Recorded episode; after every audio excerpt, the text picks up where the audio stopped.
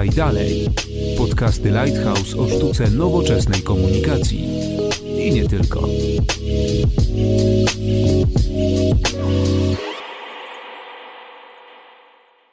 Dzień dobry, Konrad Domański. Zapraszam na 24 odcinek podcastu Lighthouse Podaj Dalej, w którym dzisiaj porozmawiamy w dużej mierze o startupach. Porozmawiamy o tym, jak skutecznie startupy promować, jak wygląda komunikacja startupów. No myślę, że też nasz gość, kto jak kto, ale nasz gość może dużo na ten temat opowiadać i myślę, że, że troszkę tutaj ciekawych e, zagadnień padnie.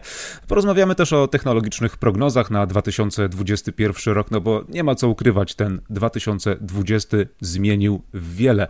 Dzisiaj moimi i waszymi gośćmi będą Lech Kaniuk, czyli przedsiębiorca, współwłaściciel kilkunastu spółek, ekspert też od innowacji, którego możecie znać z sukcesu takich marek jak Pizza Portal czy iTaxi, a ostatnio między innymi Sunroof. Dzieli się swoim doświadczeniem między innymi też w książce Siła Pędu, o czym sobie na koniec naszego podcastu więcej porozmawiamy.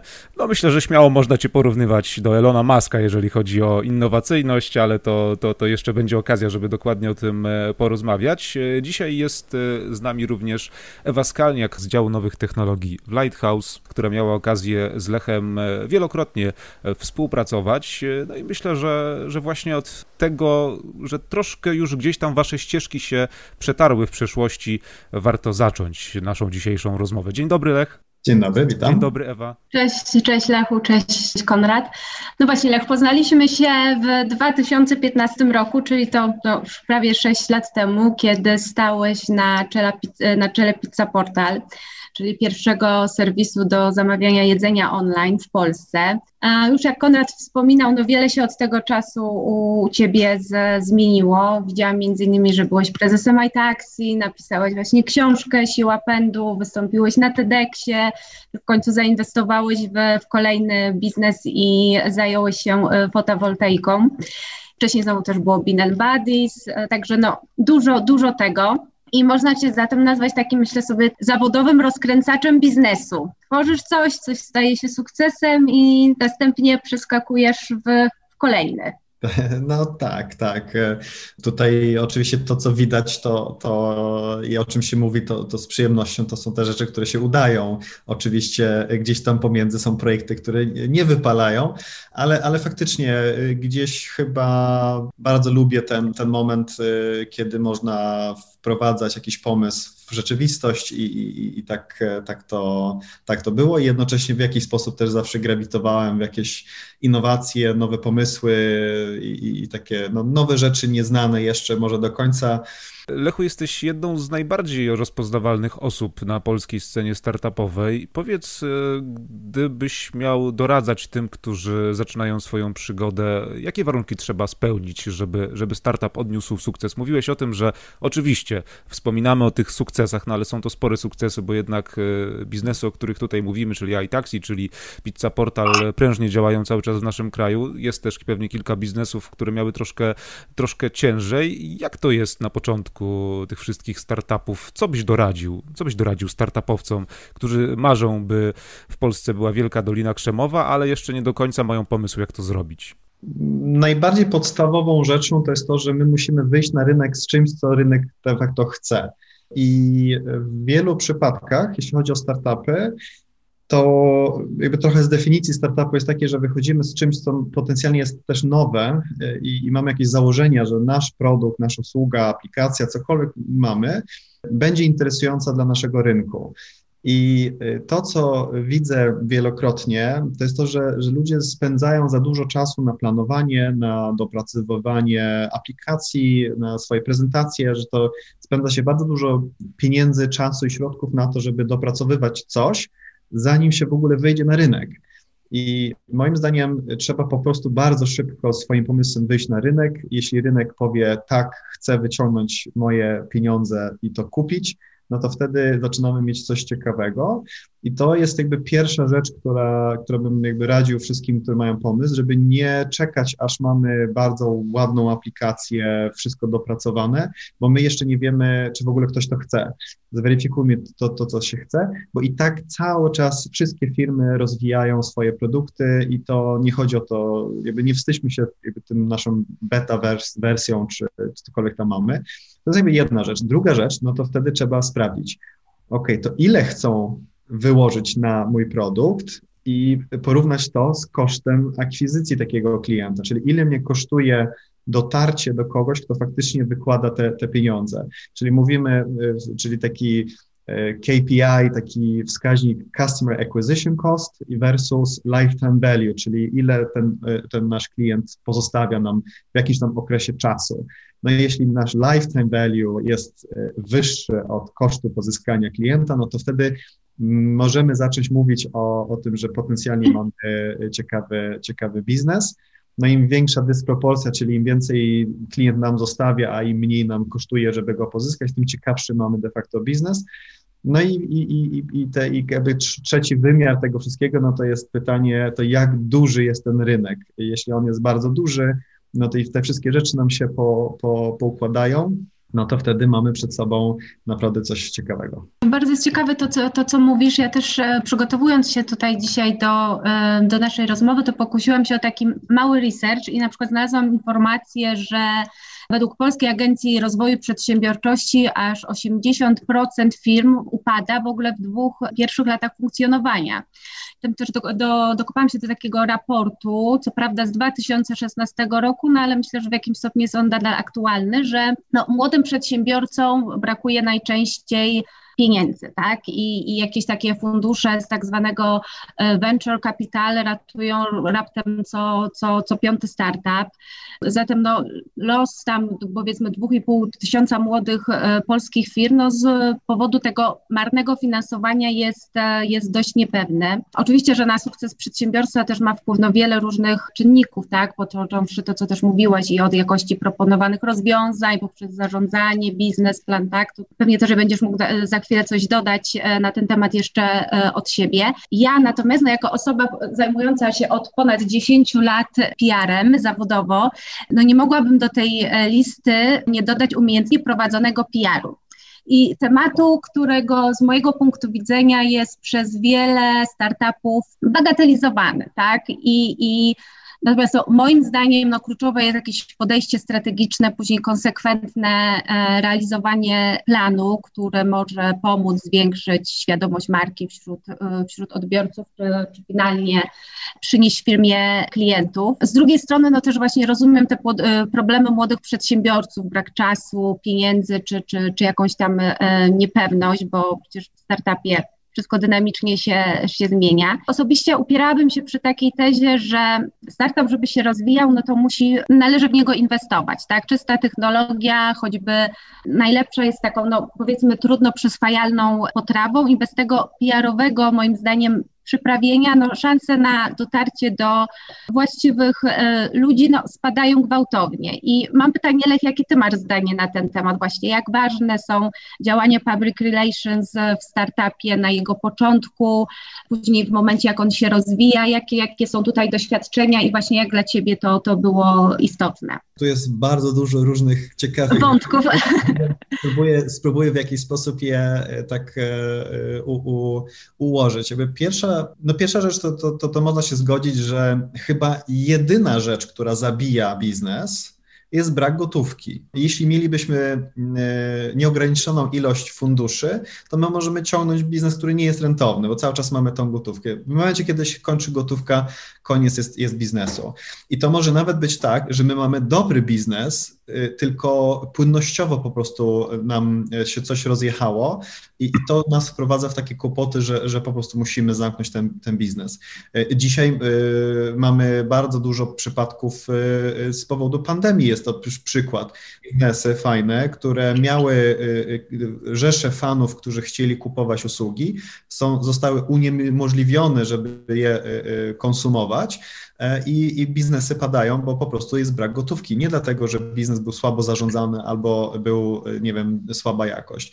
Więc gotówka, faktycznie brak gotówki zabija. Teraz, jeśli chodzi o startupy, to myślę, że moglibyśmy pokusić się o takie bardzo generalne podzielenie je w dwie kategorie. Jedna kategoria, która jest tak zwane venture backed, czyli to właśnie, którzy zbierają od funduszy pieniądze na rozwój swojej, swojego i te, które nie są e, venture backed. Czasami się mówi bootstrapowanie, e, ale to może niekoniecznie też chodzi o bootstrapowanie, bo czasami możemy mieć startup biznes, który nie chcemy mieć funduszy, nie mamy nawet ambicji, żeby budować kolejnego unicorna, międzynarodową firmę. Chcemy po prostu zbudować e, ciekawy produkt, żebyśmy my potrafili żyć w taki sposób, jak chcemy żyć. Znam takich przedsiębiorców, którzy mają biznesy, które nie są bardzo duże, ale to właśnie e, mała struktura tych biznesów pozwala, że oni mogą ten lifestyle, który chcą utrzymywać, czyli jeździć na 3, 4, 5, 6 miesięcy, tak zwany workation do Tajlandii, e, pracować zdalnie i tak dalej. To już przed pandemią.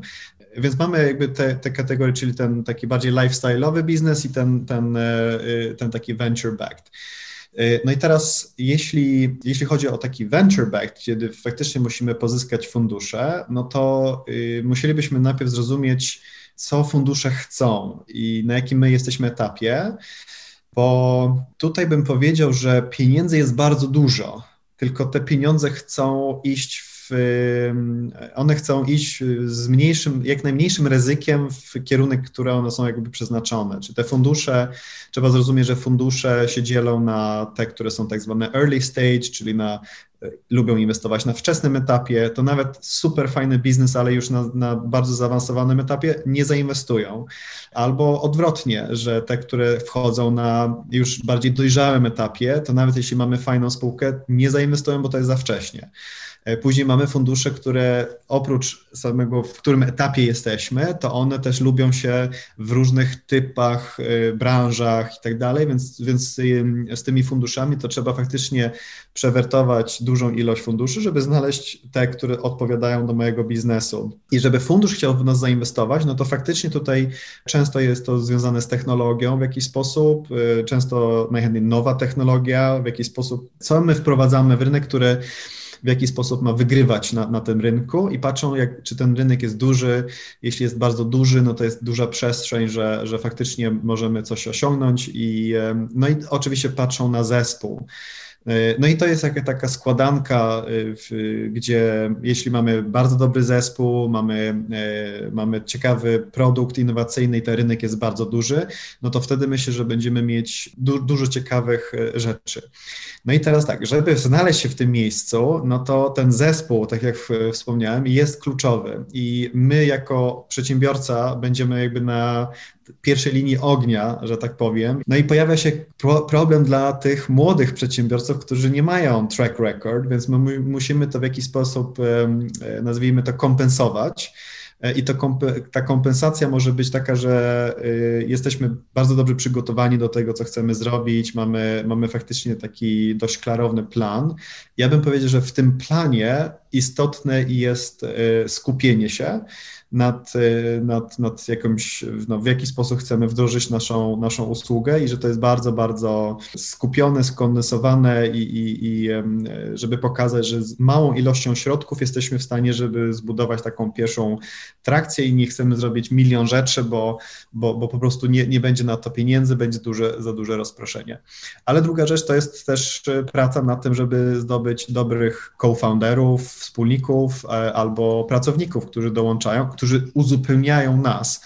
I tak zrobiłem z y, Sunroof, bo jak wszedłem w Sunroof, to, to, to było y, kilka już innych wspólników, oprócz mojego brata, który w ogóle założył i jakby wymyślił ten, ten dach, jak budować te dachy zintegrowane ale y, to nie był zespół ani wspólnicy, którzy widziałem, że miałoby szansę, żeby faktycznie zbudować coś ciekawego i przez rok przemodelowałem tą spółkę na zasadzie nowy zespół y, i też wykupiłem wszystkich udziałów oprócz mojego brata i zbudowaliśmy nowy zespół co-founderów, którzy uzupełniają nas i teraz mm, wiedząc, jakie my mamy trochę słabsze strony, no to trzeba kompensować je z ludźmi, którzy z kolei w tych obszarach są bardzo mocni.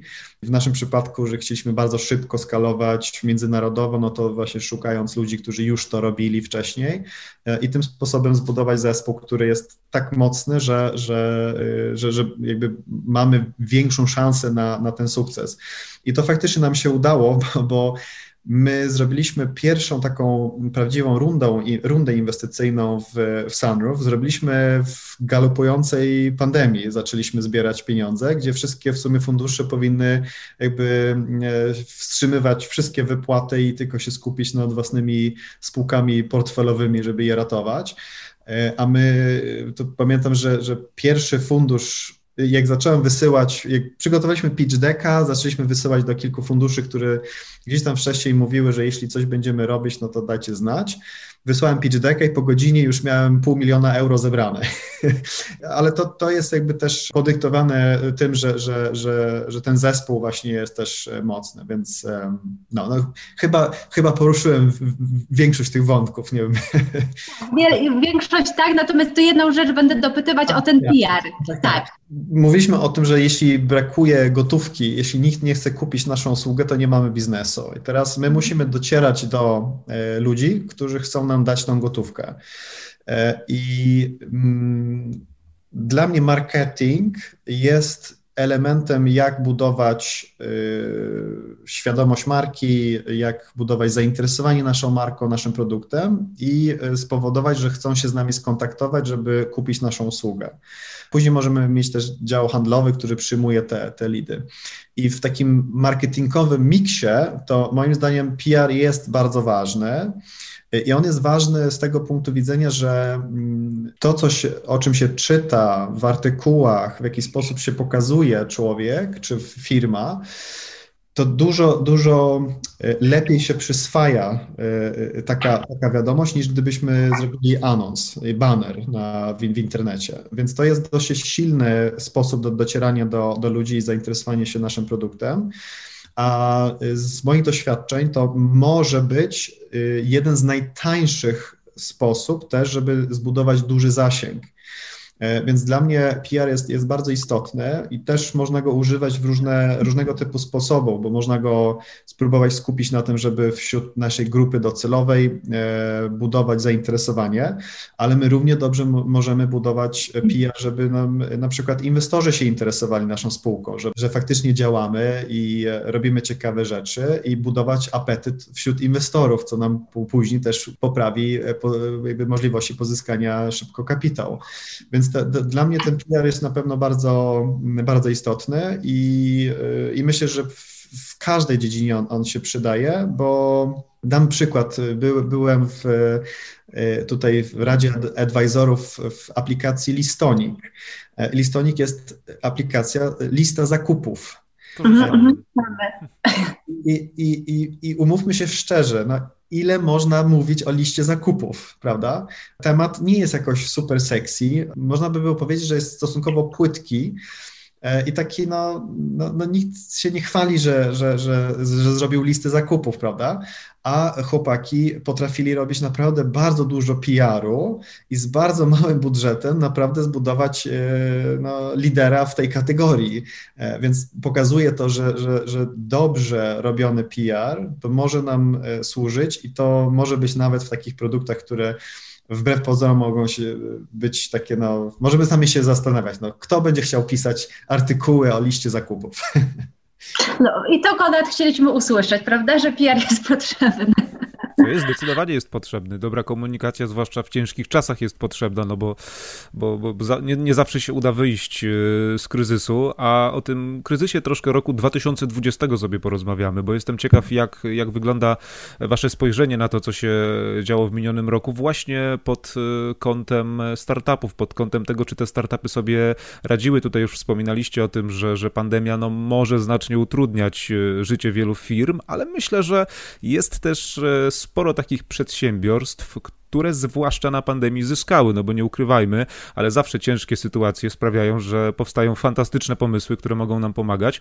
Jestem ciekaw, jak to z waszej perspektywy bywa. Może, może Ewa, ty, ty powiedz, jak, jak to oceniasz? Tak, to ja tutaj powiem z perspektywy teoretyka, później Lech zapewnie tutaj opowie z tej, z tej praktycznej strony.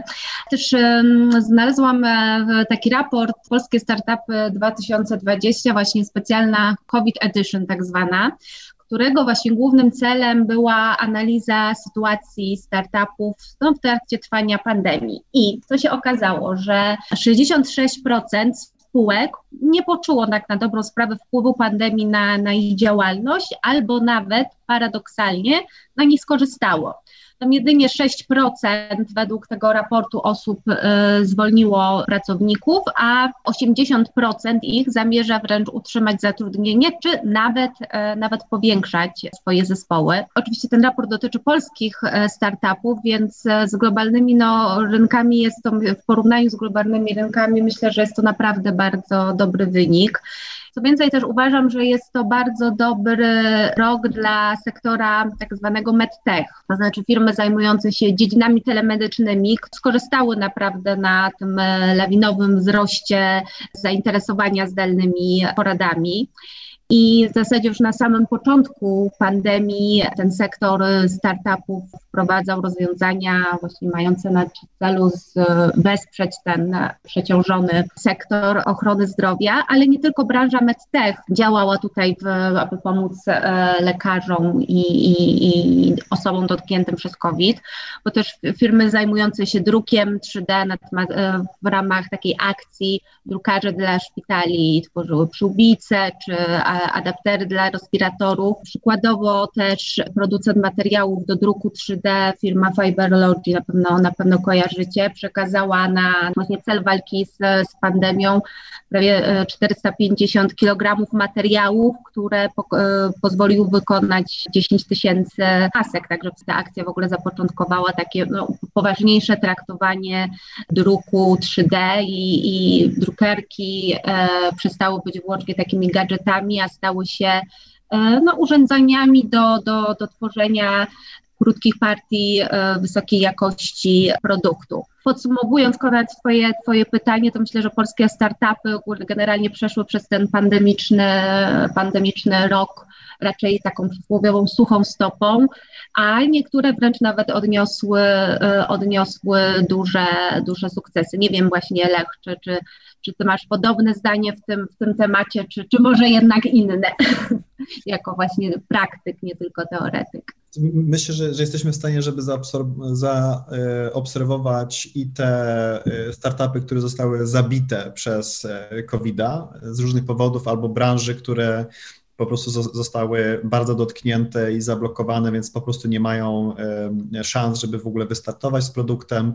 Są te, które może są neutralne, a te, które faktycznie jakby wręcz e, skorzystały z tego.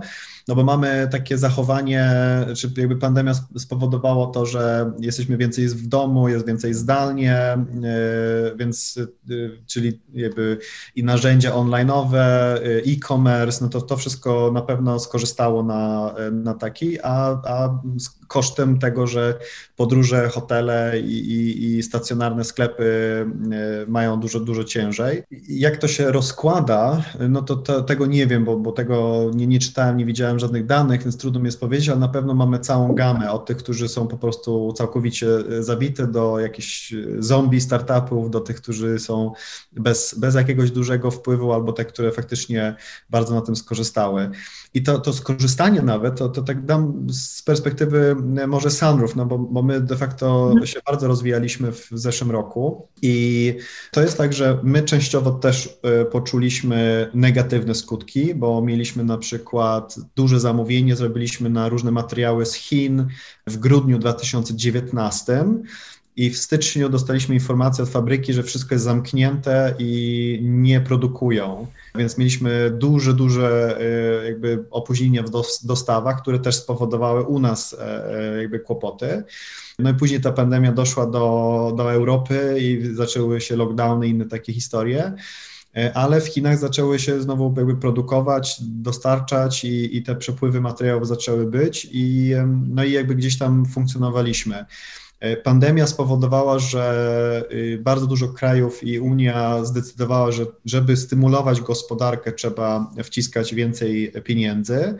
i widzimy w wielu różnych obszarach, że to, to jest jakby kanalizowane poprzez ten Green Deal, który jest, czyli E, zobowiązanie, żeby zmniejszyć e, emisję CO2, żeby stać się carbon neutral i, i skoro i tak już pumpują dużo środków, no to, no to idzie, żeby jakby przyspieszyć tą, tą, tą transformację na źródła odnawialne energię i to jest oczywiście, my się znajdujemy w takim obszarze, który wtedy korzysta z tego, bo, bo jest jakby, z, jakby jest utrzymywany albo stymulowany wręcz ten, ten obszar.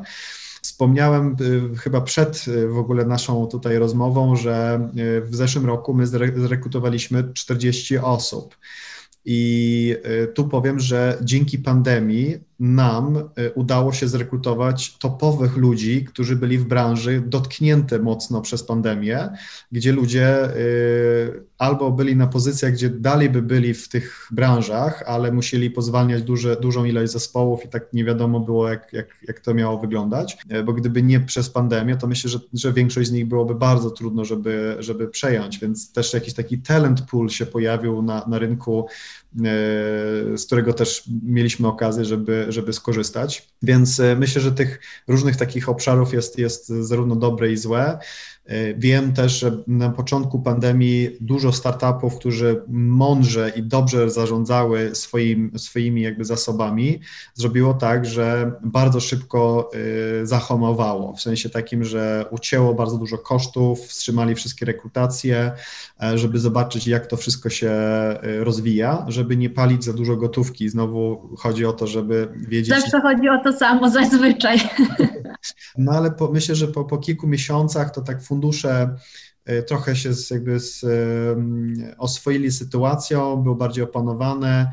Mimo dużej nieprzewidywalności, to jednak jest takie poczucie e, w których branżach, gdzie co jest, jest ok, jak to wygląda i wtedy te fundusze znowu jakby zaczęły e, też dalej inwestować wspierać i, i, i żeby powróciły też jakby myślę, że bardzo szybko po prostu dużo, duża część e, gospodarki i ludzi trochę przeszła na porządek dzienny, że mamy taką sytuację i, i trzeba po prostu jechać do przodu, nie ma co czekać aż wszystko przejdzie, bo, bo, bo nie możemy się zatrzymać po prostu. Więc e, to tak z moich obserwacji. Czyli generalnie jak zawsze, no to kryzys jest to jakieś tam zagrożenie, natomiast no umiejętnie zarządzony kryzys, no to też jest jakieś tam dla nas to opportunity, tak, szansa, żeby to coś z tego dla siebie wyciągnąć i, i nawet wyjść z tego obronną, obronną ręką, tak? Ja, ja spotkałem, bo, bo też e, e, byłem na takim wywiadzie, nagrywaniu w niedzielę, w zeszłą niedzielę i, i, to, i to był w ogóle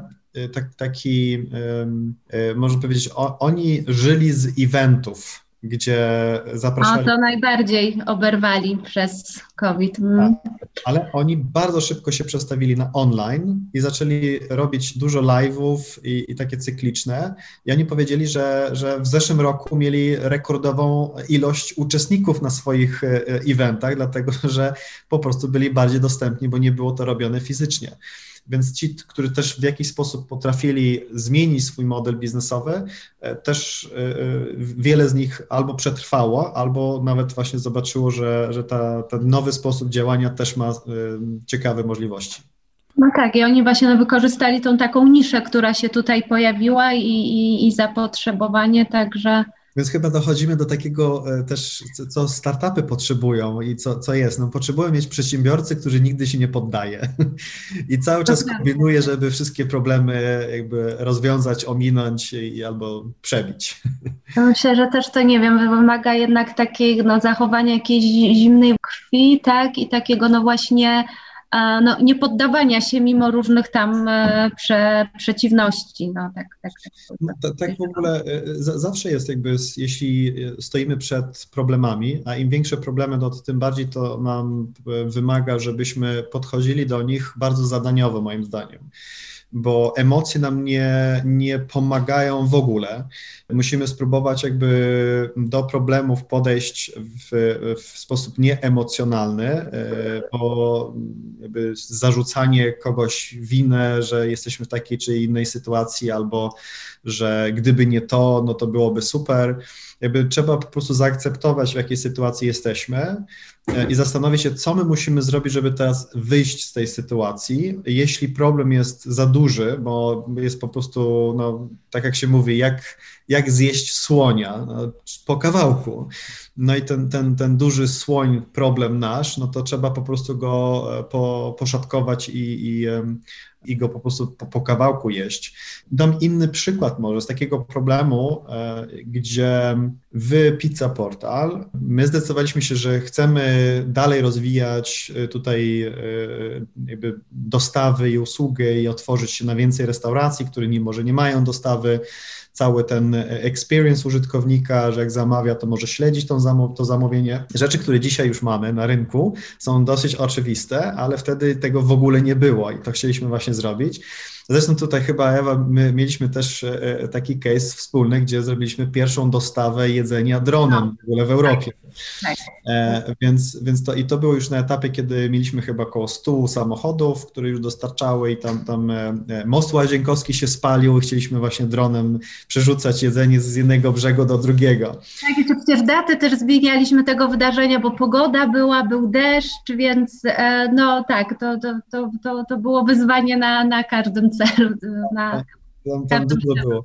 Ja, ja, pamiętam, chcieliśmy to zrobić, e, e, tak trochę wybiegając, ale, ale tak chcieliśmy zrobić to wszystko na legalu, zobaczyć, czy to faktycznie biznesowo się, się układa. Dron, żeby tam 16 kanapek, kanapek Subwaya chyba było, żeby tak, on taki Subwaya, tak. E, to, to mógł dźwignąć, no to mieliśmy takiego heksakoptera dużego, który musiał mieć już licencjonowanego pilota E, do tego musieliśmy zgłosić w ogóle do lotniska, e, jak, kiedy, jak będziemy lecieć. wszystkie, dokładnie tak. Tak. Wynajęliśmy z Warszawy lądowisko, czyli tam dwa metry kwadratowe plaży, na którym będziemy lądować. No i pamiętam, tam też było tak, że, że chyba BOR do nas zadzwonił, powiedział, że jest e, zwiększona jakaś e, ochrona, weszli, że nasz, nasza trajektoria lotu wchodzi w strefę ochrony, musimy zmienić i tak dalej, tam, ale ostatecznie 10, e, tam, chwilę przed, przed już wylotem musieliśmy się kontaktować z wieżą kontroli lotów, że tu pizza portal, 16 kanapy gotowe do startu i, i, i, i dostaliśmy pozwolenie na start. No w każdym razie Próbowaliśmy właśnie tą, tą całą logistykę, chcieliśmy to zrobić i, e, e, i, i, i, i my się spotkaliśmy z takim problemem, gdzie nasza grupa, holding nasz, zdecydował, że przygotowując się na wyjście na giełdę w ciągu roku, my chcemy dotrzeć do giełdy bez nowej rundy inwestycyjnej i musimy dotrwać z tym, z tym właśnie e, środkami finansowymi, które mamy na kontach.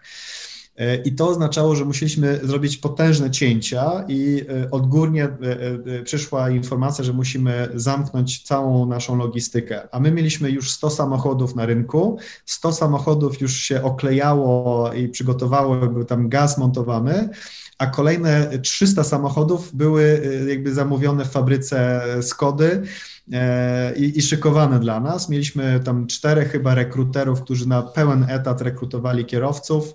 E, więc maszyna potężnie jakby z, rozkręcona i nagle przychodzi w piątek o północy informacja, że w poniedziałek wszystko ma być zamknięte.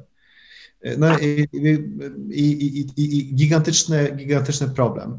W tej sytuacji to było skupienie się pełne na, na zarządzanie tym, te, tego problemu, zobaczyć, jakie my mamy możliwości i próbowanie szybko weryfikować, jakie ścieżki możemy pójść, żeby A, albo uratować ten biznes, albo B, zamknąć go z najmniejszą ilością szkód. E, I tutaj było e, bardzo szybkie wtajemniczenie najpierw takiej ścisłej grupy menedżerów jaka jest sytuacja, co możemy zrobić i jeśli chcemy ratować, to żeby nie wzbudzić panikę wśród pracowników, to dajemy sobie mm, kilka dni na to, żeby zweryfikować, czy da się, da się to jakby uratować. Więc pamiętam, że jechaliśmy użyliśmy kilka różnych kontaktów tu, więc bardzo szybko udało się zrobić e, spotkanie z, z dyrektorem, wtedy dyrektorem zarządzającym Allegro. E, udało się też do, do Rafała Brzoski szybko się skontaktować i ustalić spotkanie z Impostem, żeby może skleić, może taki trójkąt. E, żeby zacząć robić dostawy innego typu, żeby jednak nie, nie rezygnować z tego. Wtedy akurat by, była sytuacja, gdzie, gdzie Rafał miał kłopoty w, w impoście, więc to nie był dobry moment, a Allegro było właśnie w procesie sprzedaży do Naspersa, więc też jakby nie, nie chcieli wejść w, w niczego nowego. E, no i to, to, to tu e, tam dwa mandaty za szybką jazdę, zdjęcia pamiątkowe z tych dojazdu do tych spotkań. E, a kilka dni później właśnie zweryfikowaliśmy, że, że jednak nie da się to uratować i musieliśmy przeswitchować do ratowania teraz ludzi i jak to zrobić ten transfer. Więc wtedy wtajemniczyliśmy już wszystkich i zaczęliśmy też bardzo dużo komunikować się bardzo otwarcie. I tutaj też była taka sytuacja, że e, musieliśmy odpierać od naszego holdingu tą taką gwałtowną zamykanie i po prostu na kluczyk, wyrzucamy kluczyk i idziemy do domu e, do tego, że jednak mówimy, że jeśli tak zrobimy, to to będzie nas kosztowało znacznie dużo więcej, niż jeśli spróbujemy to zrobić jakby z głową i e, z szacunkiem do ludzi i naszych dostawców i partnerów restauracyjnych.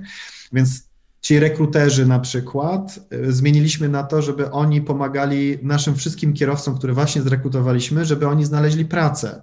Albo na przykład jako kierowca w restauracji powiedzieć, ok, nie, nie będziemy to robić dla was, ale możecie dostać pakiet kierowców samochodem ze wszystkimi tutaj y, dajemy to y, dla was, albo znaleźć im pracę gdzie indziej. I udało się faktycznie ten proces E, tak przeprowadzić, nie uratować, ale z e, minimalną ilością szkód e, to zrobić. Dużo więcej w szczegółach o tym faktycznie wspomnieliście o mojej książce Siła Pędu, no to tam cały trzeci rozdział jest poświęcony właśnie tej, tej historii, więc to, to, to jest moim zdaniem, dlaczego chciałem się podzielić, dlatego, że to był dobry przykład, jak my z naszym zespołem potrafiliśmy duży kryzys w naszej firmie w jakiś sposób e, zarządzić. To, to tak, no.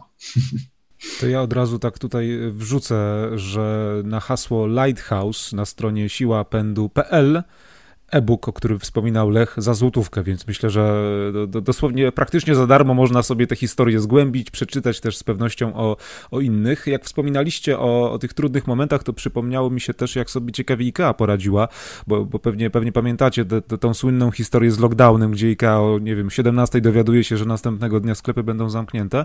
No to oni tak fajnie zrobili, że nawet w mniejszych miejscowościach, wyobraźcie sobie, zrobili mobilne dostawy, gdzie, gdzie jakieś tam samochody dostawcze teraz nawet w mniejszych miejscowościach raz czy dwa razy w ciągu tygodnia są po prostu ze sprzętami, można sobie zamówić i odebrać, więc myślę, że to jest, to jest jakby pokazanie tego, że czy mniejsze, czy większe firmy, no po prostu muszą jakoś sobie radzić, jak chcą przetrwać, no ale o tym to, to w ogóle, o tym przetrwaniu i o tym, co trzeba robić, to, to można by oddzielny podcast w ogóle robić, ale z racji, że no nie ma co ukrywać, Lech, ale wiele z twoich startupów jest powiązanych, jak nie większość, z technologiami, no bo, bo, bo czy, czy te biznesy jedzeniowe, taksówkarskie, czy teraz e, fotowoltaika, no one każdy gdzieś tam wspólny, wspólny czynnik technologiczny mają, więc trochę chciałbym jeszcze, no już prawie na koniec naszego podcastu, porozmawiać właśnie o, o technologiach, o tym, co waszym zdaniem będzie e, taką siłą e, technologiczną w 2021 roku, jak, jak, jak prognozujecie ten, ten przyszły rok, jeżeli chodzi właśnie o rozwiązania technologiczne. Może Ewa kilkoma ciekawymi raportami tutaj e, zarzuciłaś, więc może jeszcze masz coś w zanadrzu.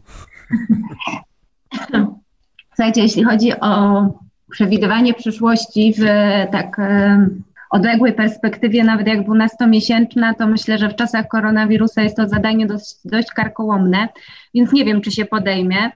Natomiast na pewno COVID e, kształtuje i pozostanie tak jeszcze z nami przez, e, przez długi e, czas i, i no wszelkie właśnie jakieś szacowania, no to jest troszeczkę teraz takie wróżenie z fusów. Analitycy są w swoich prognozach ostrożni i właśnie tutaj Konrad przywołałeś raport, więc oczywiście w zanadrzu mam kolejny. Przykład ADC, rozchwianie takiego tego światowego ekosystemu gospodarczego spowodowanego pandemią, no to potrwa jeszcze przynajmniej o, do roku, może nawet do dwóch dwóch lat, o ile nie, nie dłużej. Oni uważają też, że biznes będzie zmierzał, jak to ładnie to nazywają, tak ku swojemu cyfrowemu przeznaczeniu, tak? Także digitalizacji usług i, i, i, produktów, będącej podstawą wielu modeli operacyjnych. Myślę, że na pewno w 2000, w, w obecnym, w obecnym roku no, czeka nas kontynuacja e, tego trendu i do e, technologii, które z pewnością będą decydować o wprowadzeniu zmian w, w, na rynku w tym, w tym bieżącym roku, no to z pewnością można zaliczyć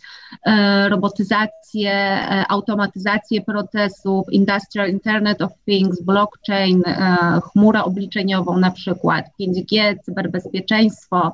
Natomiast Lech, wspominałeś też w ogóle, jak tutaj koronawirus wpłynął na rozwój Twoich biznesów, no, ogólnie też na, na rozwój fotowoltaiki i, i, i na Twoje plany. Natomiast wiem też, że Sunroof y, dostarcza nie tylko solarne dachy, takie dwa w jednym, które chyba tak roboczo można nazwać. Pracujesz już właściwie może nad projektem, który się nazywa City Solar, wirtualnymi elektrowniami, też nad specjalnym programem dla, dla górników. Nie wiem, czy mógłbyś jeszcze może naszym słuchaczom coś na ten temat opowiedzieć. Oczywiście. Znaczy, to, to, to co się dzieje dzisiaj, jeśli wchodzi w tak, nazwijmy to naszej branży, albo w tym obszarze, gdzie jesteśmy ze Sunroof, czyli energetyka, tak mówiąc bardzo szeroko, e, ona stoi przed e, też bardzo dużą rewolucją. Bym powiedział, że to jest tak jak internet był na samym początku, to tak jest energetyka dzisiaj na samym początku, bo infrastruktura energetyczna ona się de facto nie zmieniła zbyt dużo y, od czasów Edisona. Y, tak jak to było skonstruowane na samym początku, to praktycznie tak jest cały czas to konstruowane, gdzie jest scentralizowana produkcja energii i przez sieć energetyczną dystrybuowana do konsumentów. I, i to też jakby te źródła energii też no, były takie, jakie też w dużej mierze są, ale teraz jest potrzeba, żeby odejść od na przykład właśnie węgla, e, żeby, żeby tu przejść na inne źródła energii, żebyśmy po prostu nie zniszczyli tą planetę już do końca e, i faktycznie e, musieli kupować bilet na Marsa od Ilona. Więc, e, więc tutaj e, jesteśmy przed bardzo dużą, dużą e, jakby wyzwaniami, bo, bo pojawia się bardzo dużo różnych nowych właśnie instalacji. Te instalacje są bardzo rozproszone, jest duża ilość też i małych tych instalacji takich fotowoltaicznych. I połączenie teraz naszego dachu, gdzie, tak jak mówisz, my robimy dach, który jest zarówno dachem, jak i instalacją fotowoltaiczną w jednym, to jak się buduje cały dach w naszej technologii, to dach produkuje zazwyczaj więcej energii niż dom potrzebuje na ogrzewanie i taką konsumpcję na, nie wiem, na telewizor, lodówka i oświetlenie. Przepraszam, że wbiję się w słowo, ale tak, jest, tak, tak jestem ciekawa, czy na przykład w Polsce faktycznie y, mamy warunki do tego, żeby montować i korzystać z dochów solarnych, bo, bo chyba ciągu roku aż tak dużo słońca nie mamy, tak patrzę nawet teraz przez okno, więc... E, I ty chyba też e, na żadnej rajskiej wyspie nie jesteś, patrząc też u ciebie za okno, jak tak się przyglądam, widzę te drzewa bez liści. Tak, tak, tak, nie, jestem, jestem, jestem w Łodzi tutaj, więc tam jest e, śnieg, leży na... No właśnie. Jest tak, że jak najbardziej się to opłaca. Nawet my w ogóle zaczęliśmy naszą firmę w Szwecji, więc w Szwecji też kupują. My, my, my y, najbardziej północny dach, który zrobiliśmy i jeszcze nie wiem, ale śmiem powiedzieć, że chyba zrobiliśmy najbardziej wysunięty na północ dach z zintegrowaną fotowoltaiką.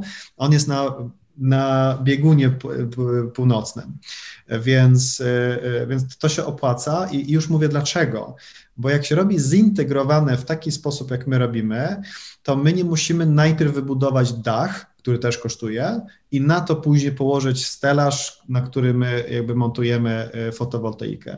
Tylko to wszystko jest zintegrowane i to rozwiązanie dwa w jednym oznacza, że e, używamy dużo mniej materiałów, co też jest lepsze pod kątem CO2, e, ale też i kosztowo, więc dach kosztuje mniej niż gdybyśmy zbudowali najpierw tani dach i na to położyli fotowoltaikę. Powiedz właśnie, jakie są koszty pokrycia dachu takimi waszymi panelami? Czy jest to taka, czy jest to faktycznie produkt dla zwykłego Kowalskiego, czy, czy można dostać na to jakieś dofinansowanie? Jak to, jak to wygląda? My możemy zaprojektować moc zainstalowaną, więc nie trzeba mieć jakby, nazwijmy to aktywny dach cały, tylko można to dopasować, że chcemy, jak chcemy mieć tylko 5-10 kW pików zainstalowanej mocy, to też możemy tak zrobić. Mimo wszystko używając naszą technologię, będzie to lepiej wyglądało i cały czas będzie to tańsze niż dach plus fotowoltaika. Nasz produkt się, się nadaje na remonty dachów albo nowe budownictwo.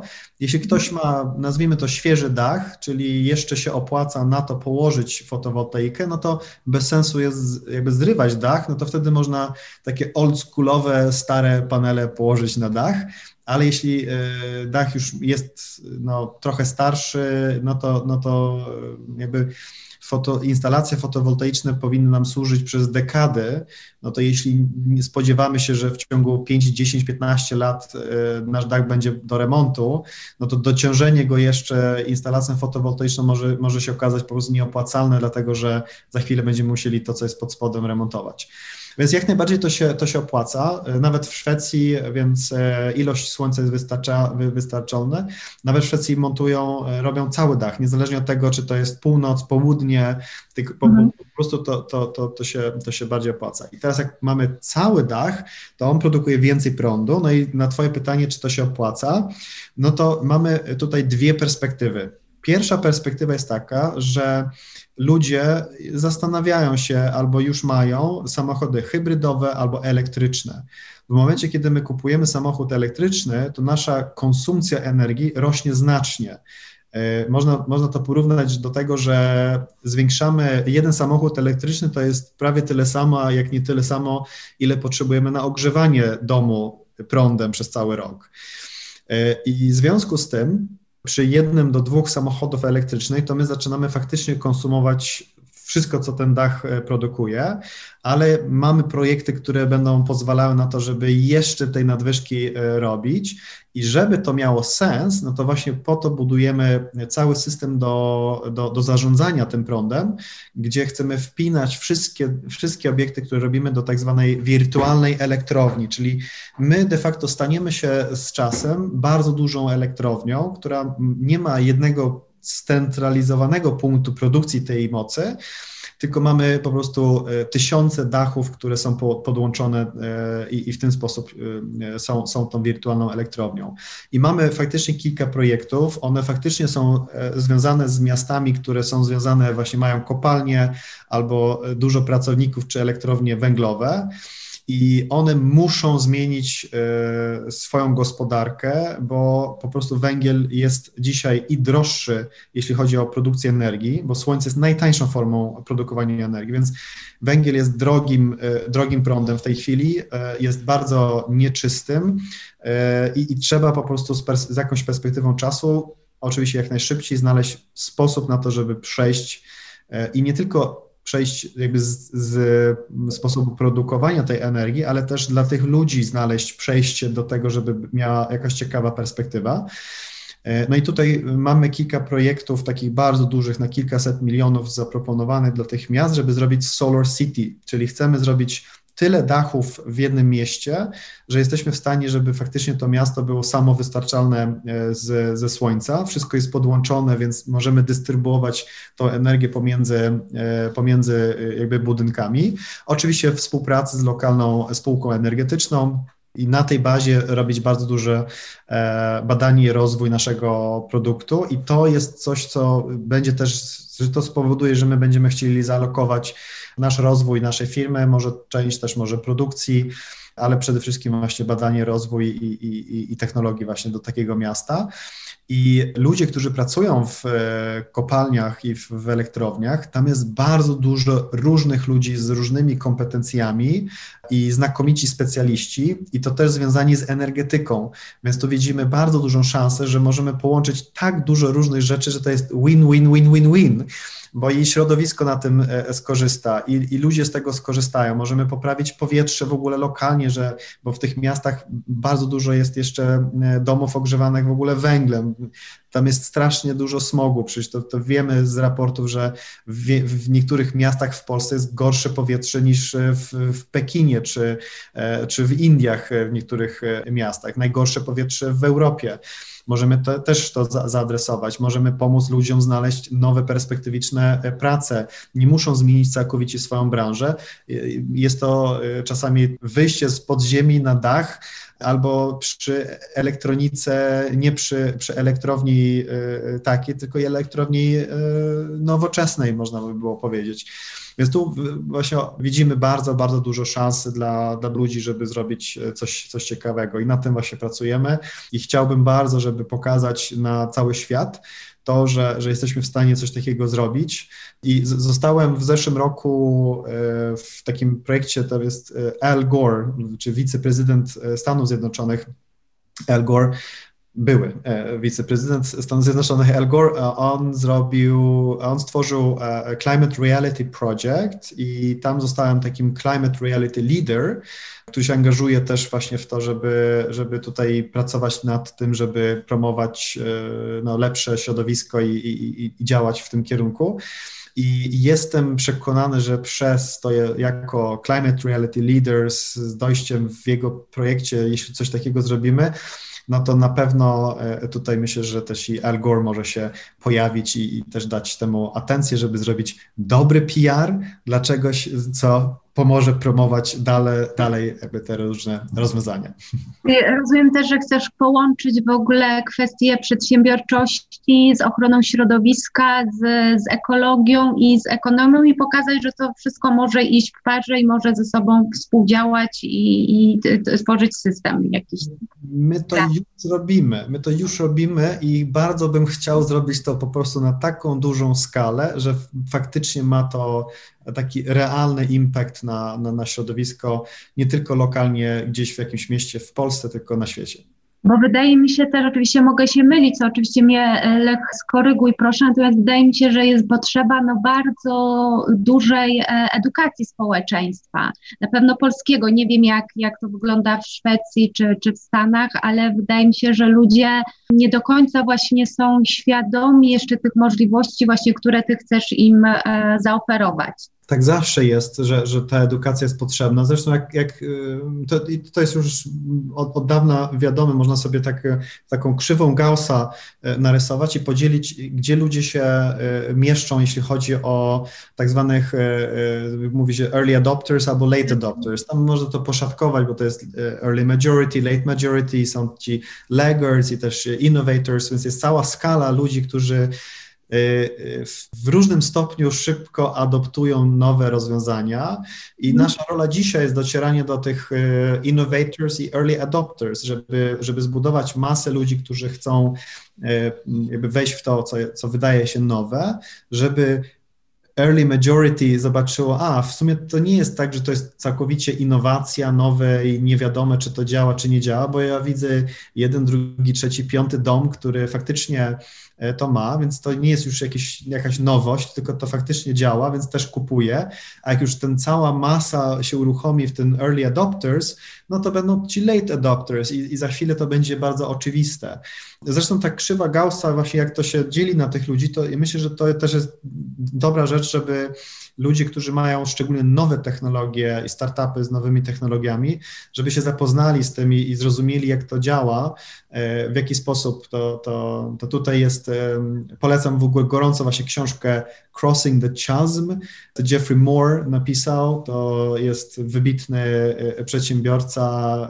Jeffrey Moore, e, Crossing the Chasm, to jest doskonała książka, która właśnie opisuje właśnie te, te, ten, ten proces i jak z nową technologią się wbić właśnie gdzieś, żeby, żeby ta nowa technologia nie stała się nową, tylko oczywistą technologią. Na tym pracujemy. To jeszcze, to jeszcze słów kilka o książkach, jak już nawiązałeś, bo, bo słyszałem o twoim ciekawym wyzwaniu książkowym. No tak, tak. Y, y, kilka lat temu sobie założyłem cel, y, żeby się zmotywować do, do, do stania się osobą, która po prostu cały czas się edukuje i czyta nieustannie. Postawiłem sobie cel przeczytania tysiąc książek raczej czytam tylko biznesowe książki. E, już przeczytałem ponad 200 w tym moim własnym challenge'u. E, I wszystkie książki w ogóle publikuję na, na moim profilu na Instagramie, też w Goodreads, wszystko tam jakby śledzę i, i sobie, sobie odhaczam. Żeby siebie zmotywować, to, to postawiłem sobie po prostu ambitny cel. Później jak policzyłem, no to okazało się, że to jest projekt na 25-30 lat.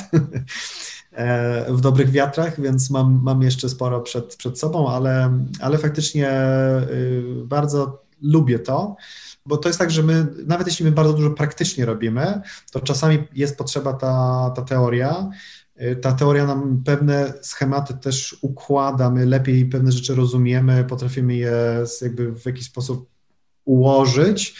Więc e, i, i, różne książki opisują te same rzeczy czasami, ale, ale z innego punktu widzenia, więc czasami też jest to wartościowe, e, więc gorąco polecam. To jest, to jest bardzo tani sposób na e, rozrywkę i edukację, więc no i można to zrobić też z dystansem społecznym, więc to też jest bezpieczne covidowo. No, ale tak Dokończ, dokończ, przepraszam cię. Tak, ale, ale nie, to, to, to na pewno powiedziałbym, że odkąd zacząłem bardzo dużo czytać, to, to, to też jest, jest duży rozwój taki osobisty i, i bardzo polecam wszystkim. A, A dobra, teraz, teraz ja się Ewie wcisnąłem w słowo. Dobrze, ja, nie, bo tak właśnie, bo rozmawiamy też o tych książkach i, i wspominaliśmy e, zresztą na początku naszego podcastu, Lechu, o Twojej książce i już tam no, po części nam zdradziłeś, o czym ona jest, natomiast no, myślę, że też, że dla niektórych słuchaczy no, może być dosyć zagadkowy ten tytuł Siła Pędu, także może jak mógłbyś wytłumaczyć, czym tak naprawdę jest ta siła pędu i, i, i, i co, to, co, co to jest według Ciebie, tak? I dlaczego jest tak ważne, bo przypuszczam właśnie, znaczy wiem nawet, że, e, że jest, ale właśnie na czym, e, na czym to polega? To, to jest e, opis, moim zdaniem, metody na sukces czyli byłem, byłem w takim momencie, kiedy, kiedy czułem, że potrzebuję pewne rzeczy sobie poukładać, zrozumieć, co czuję, jakby taką, no, zrobić taką dużą refleksję nad, nad, nad wieloma różnymi rzeczami.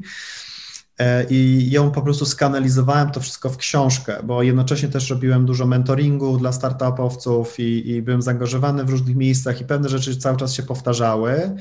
E, no i, i, często ludzie się pytają właśnie o, o, o to, jak, jak pewne rzeczy zrobić. Więc przy tej refleksji to tak mi się ułożyło, że, e, że opisałem w ogóle taką moją ścieżkę do tego, gdzie się znalazłem, w sensie jak, jak w sumie osiągnąłem e, sukces.